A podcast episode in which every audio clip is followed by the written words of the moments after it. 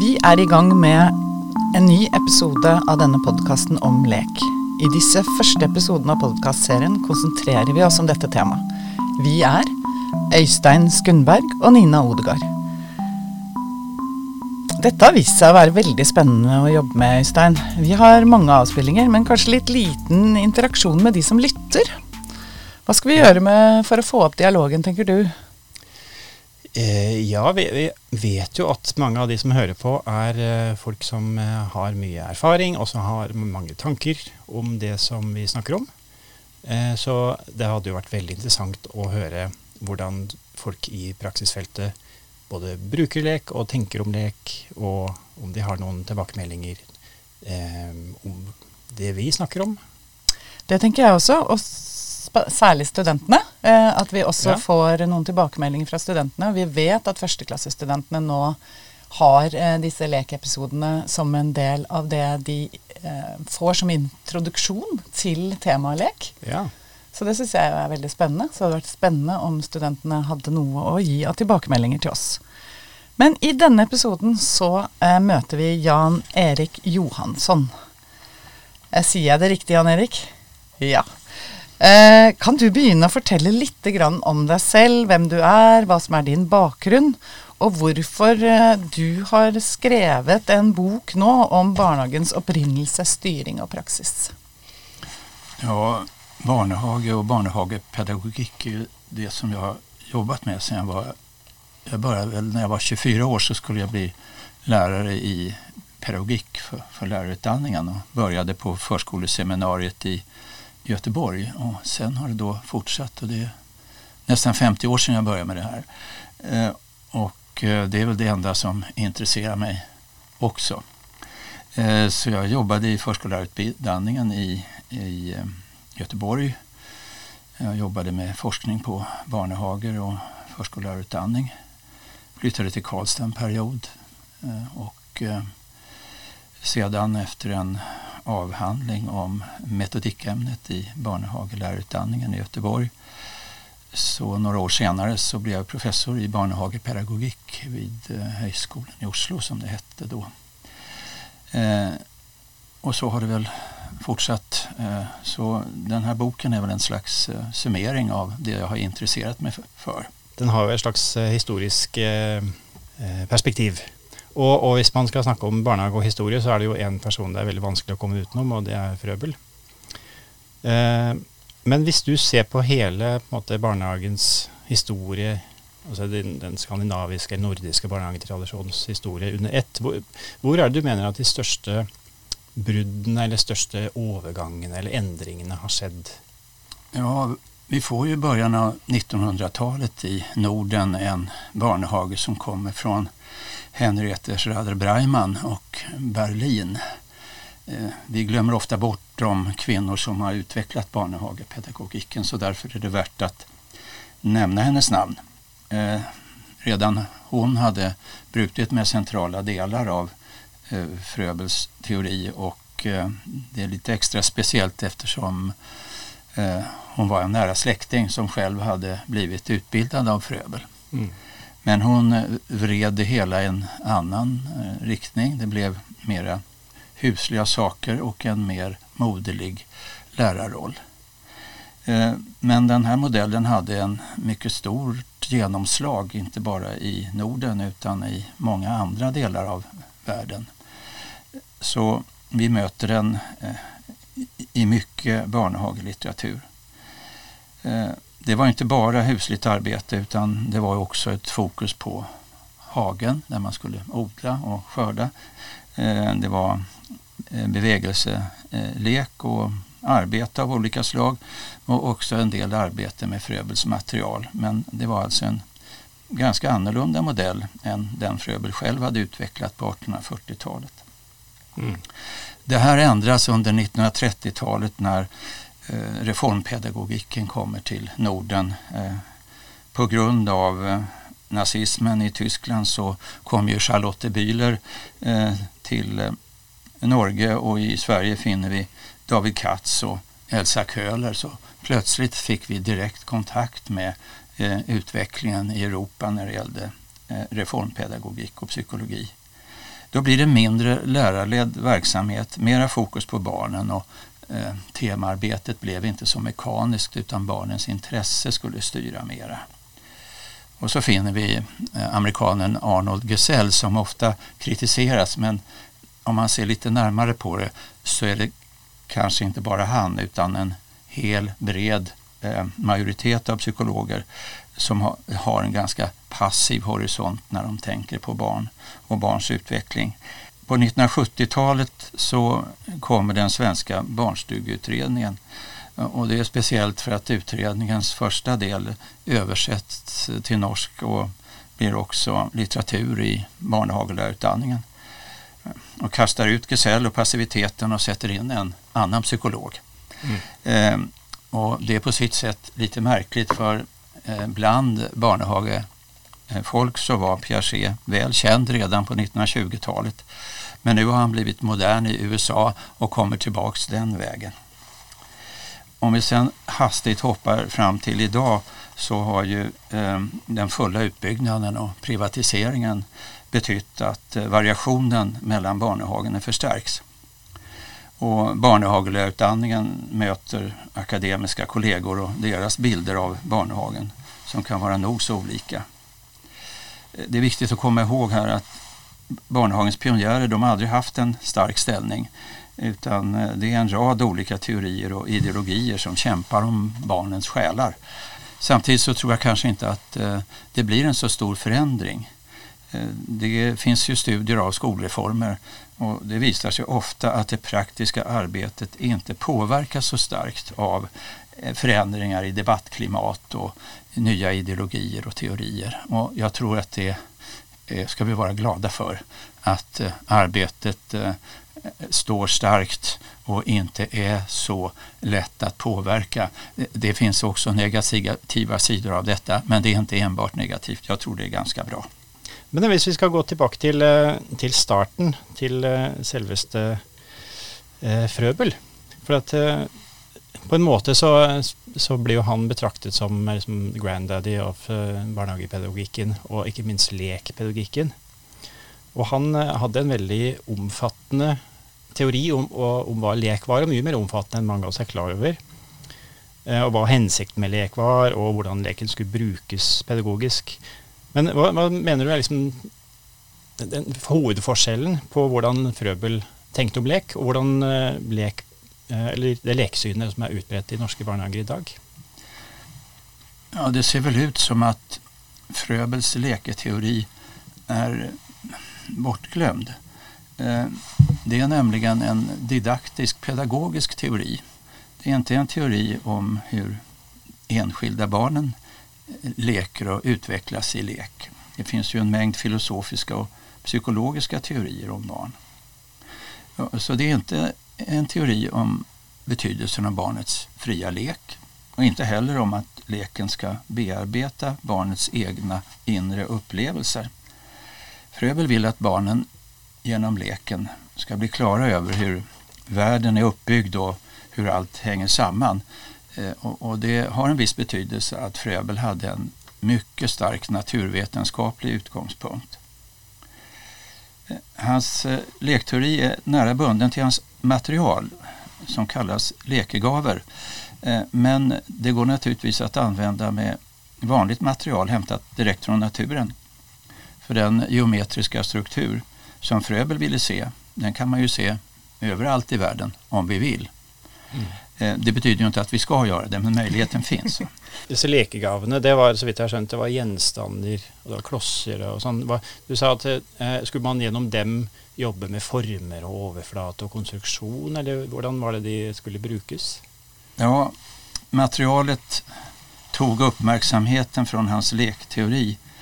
Eh, han hann inte systematisera och utveckla det fullständigt själv och det är ett mycket omfattande material som dels består av geometriska former men också utav vanliga aktiviteter som är sorterade. Till exempel bygga med lera, eh, bygga modeller med eh, halmstrån och ärtor och så vidare. Eh, så efterföljarna de fastnade så att säga med stor glädje i allt detta material. Och använde det med betydligt mindre frihet för barnen än vad Fröbel gjorde.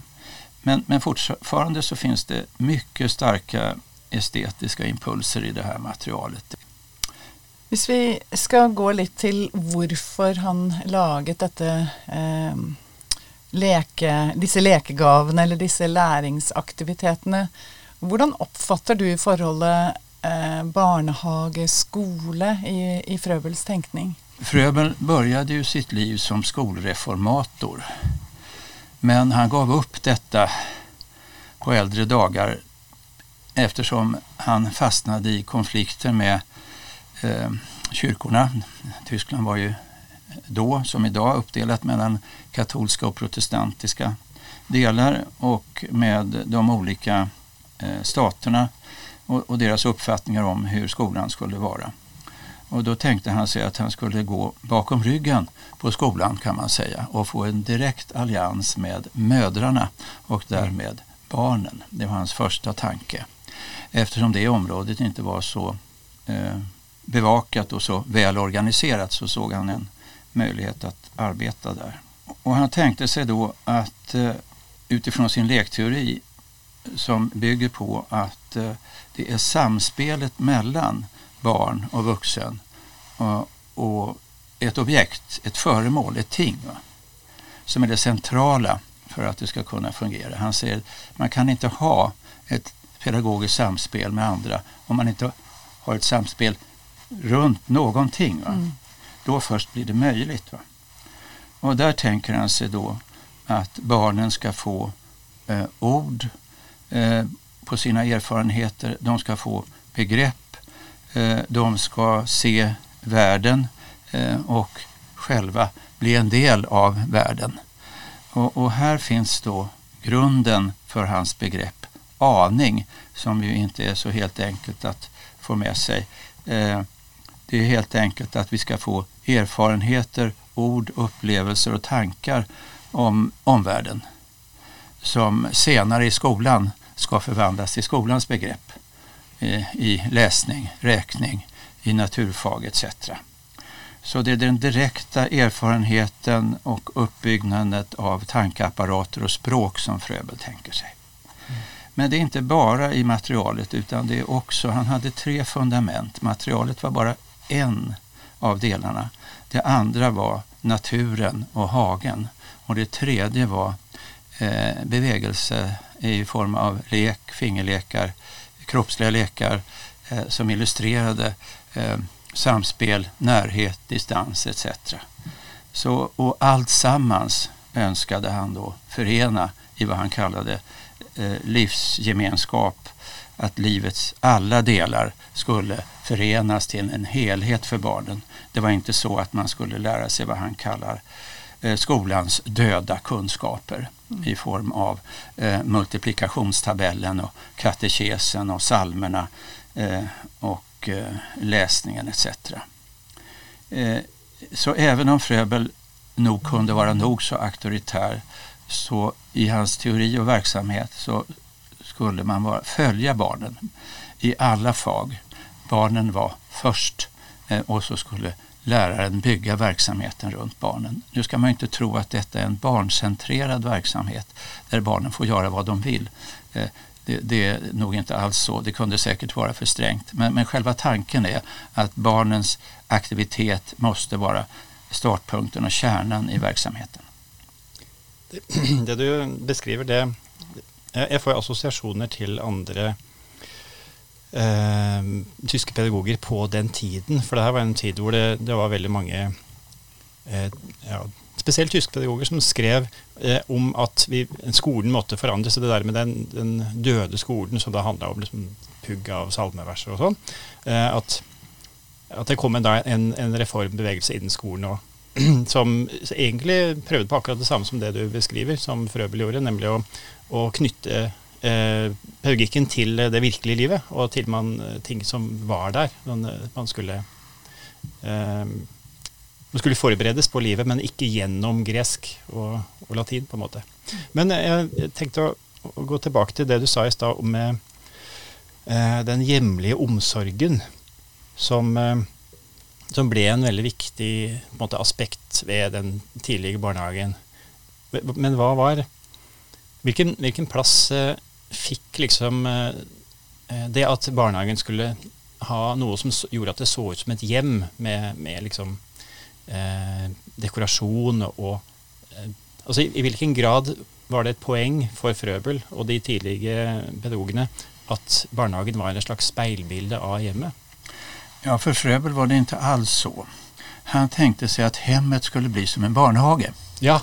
eh, och, brukar man säga. Och Henriette Schrader Breiman som tar hjälp av eh, eh, folkskolans store pedagog eh, Pestalozzi som också ser hemmet som en undervisande arena och moden som en lärare. Med grund i Pestalozzi så vänder hon upp och ner på allt sammans och vill att Barnehagen ska bli ett hem. Mm. Så hon gör ett stort avsteg från Fröbels eh, tankevärld. Eh, det där har, är väl flera eh, rötter till men vid den här tiden så var ju tyska kvinnor oerhört kontrollerade och hade i princip inte rätt att göra någonting alls. Eh, gifta kvinnor förlorade ju rätten över sin egendom.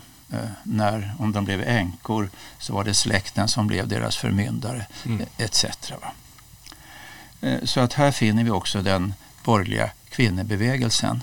Och, här, och det finns också ett centralt begrepp som Schrader Bergman är med och utvecklar, nämligen andligt moderskap. Eh, det är snarare kanske en fråga om ett intellektuellt moderskap till skillnad från ett kroppsligt moderskap. Det här kan låta mystiskt men det handlar helt enkelt om att kvinnor inte behöver eh, ha barn och familj för att arbeta med moderliga uppgifter. Och då öppnar sig ett helt fält av kvinnliga eh, yrkesområden med vård och omsorg i skola och hälso och sjukvård etc. Va? Så att eh, Schade Breiman är en, eh, nästan en nyckel till den tyska utvecklingen. Eh, och, och, där spelar då hennes husliga och moderliga ideologi en stark roll. Mm. Jag har lust att flytta samtalen lite eh, fram till barnhager i, idag, Jan Erik, eh, i förhållande till detta med att eh, vi kanskje opplever at eh, barnehagepersonell i dag ikke har et aktivt forhold til Frøbel. Eh, men hvis vi skal gå til Frøbel, hva tenker du er det viktigste eh, dagens barnehage har tatt med seg fra Frøbel? Og hva er kanskje glemt som burde vært kjent? Ja, jag tror det finns en lång rad enskilda komponenter som eh, har varit mycket utspridda inom barnehagen. Eh, fokusen på lek, på barngruppen, eh, fokusen på att följa efter barnen, vara ute i naturen, i hagen, att skapande fag, alla estetiska, musiska fag har spelat en stor roll. Många av dem stärks kraftigt på 1920 och 30-talet och så vidare. Så om vi går igenom en samlad bild av arbetet i Barnehagen så tror jag vi möter många ting som har funnits där länge. Vi kan ta det temaarbetet som har kallats intressecentrum och arbetsmedelpunkt där eh, man arbetar med eh, de fyra årstiderna men också med högtiderna. Jul och påsk eh, förföljer väl fortfarande en del barn och föräldrar och barnhagelärare misstänker jag. Och å andra sidan så är naturligtvis årstiderna en sån stark upplevelse för oss som lever i den här delen av världen. Mm. Vi blir glada när det blir vår. På sommaren har vi inget emot. Hösten är mycket vacker och är det snö på vintern så är det, det är stora drastiska förändringar mm. som naturligtvis är svåra att gå förbi. Eh, så, eh, men det viktiga med Fröbel är väl för det första att eh, han eh, genom sin existens pekar på att Barnehagen inte är någonting nytt. Expansionen kommer eh, i slutet av 1900-talet i Norge och i början på 2000-talet. Men det betyder inte att pedagogiken och verksamheten är ny. Den har funnits i mer än 100 år, kanske 150 år. Eh, för det är ett misstag som en del tror, eh, att det inte finns något eh, bara för att det har varit så litet och det får vi inte glömma bort. Så det betyder inte att vi behöver älska Fröbel, men vi ska vara klara över, och precis som Öystein sa, så är det viktigt också att se att Fröbel är bara ett exempel på en mycket omfångsrik och stor tysk europeisk diskussion om skolan och pedagogiken och barnen och hur man ska arbeta. Eh, så för att spetsa till det, det finns nog nästan inget nytt i pedagogik. Eh, pedagogiken är utvecklad som en teknisk disciplin eh, i mitten på 1800-talet. Eh, sen kan man ändra mycket, bygga nya saker, men komponenterna finns nog där i mycket stor del. Eh, men det som då saknas är väl kanske det här fokuset på en lek, didaktisk lekteori mm. eh, som eh, vänder sig mot eh, en alltför passiv hållning till barn oberoende om man tror att det är på grund av utvecklingspsykologin eller på att barnen ska bestämma själva. Elsa Köhler sa att vi kan inte lämna barnen till sig själva att få erfarenheter. Det tar för lång tid. Mm. Vi måste ge dem erfarenheter så att de själva kan bygga något. Va? Vi kan inte sitta och vänta på att barn tar initiativ. Jag, jag måste erkänna att det, det, är först nyligen som jag genom den tyske didaktikern Wolfgang Klafka blivit klar över den här didaktiska aspekten på Fröbels teori. Och jag tror den är värd att diskutera. Eh, eh, eh, införa, det är inte mitt problem. Det får Barnehagens lärare själva ta ställning till. Men det är en viktig diskussion. Hur ska relationen, samspelet mellan barn, personal och innehållet i Barnehagen se ut? Vad ska man välja för någonting och hur ska man arbeta med det? Och där leder Fröblås på vägen. Åtminstone öppnar han en dörr för den diskussionen. Till sist så kan man ju säga att Fröbels starka intresse för naturfag gör att om man vill ha eh, mer matematik och naturfag i Barnehagen så kan man gå vägen över Fröbels material. Det finns en del studier av det. Eh, och jag säger inte att matematik ska bli det stora, men varför inte ta i bruk det som redan finns? Ja, som du sa, ehm, pedagogik är inte något nytt, men eh, det är stadigt i, i förändring och det eneste vi vet om pedagogikken, er at den eh, er i forandring. Eh, men da har vi vært eh, en runde gjennom historien. Vi skal møte deg igjen, Jan Erik. Men i, i, første omgang, tusen takk for at du kom og ville snakke om, om den historiske delen av det du har skrevet om. Tack så mycket. Det har varit en spännande resa genom det här samtalet. Tusen tack Jan-Erik.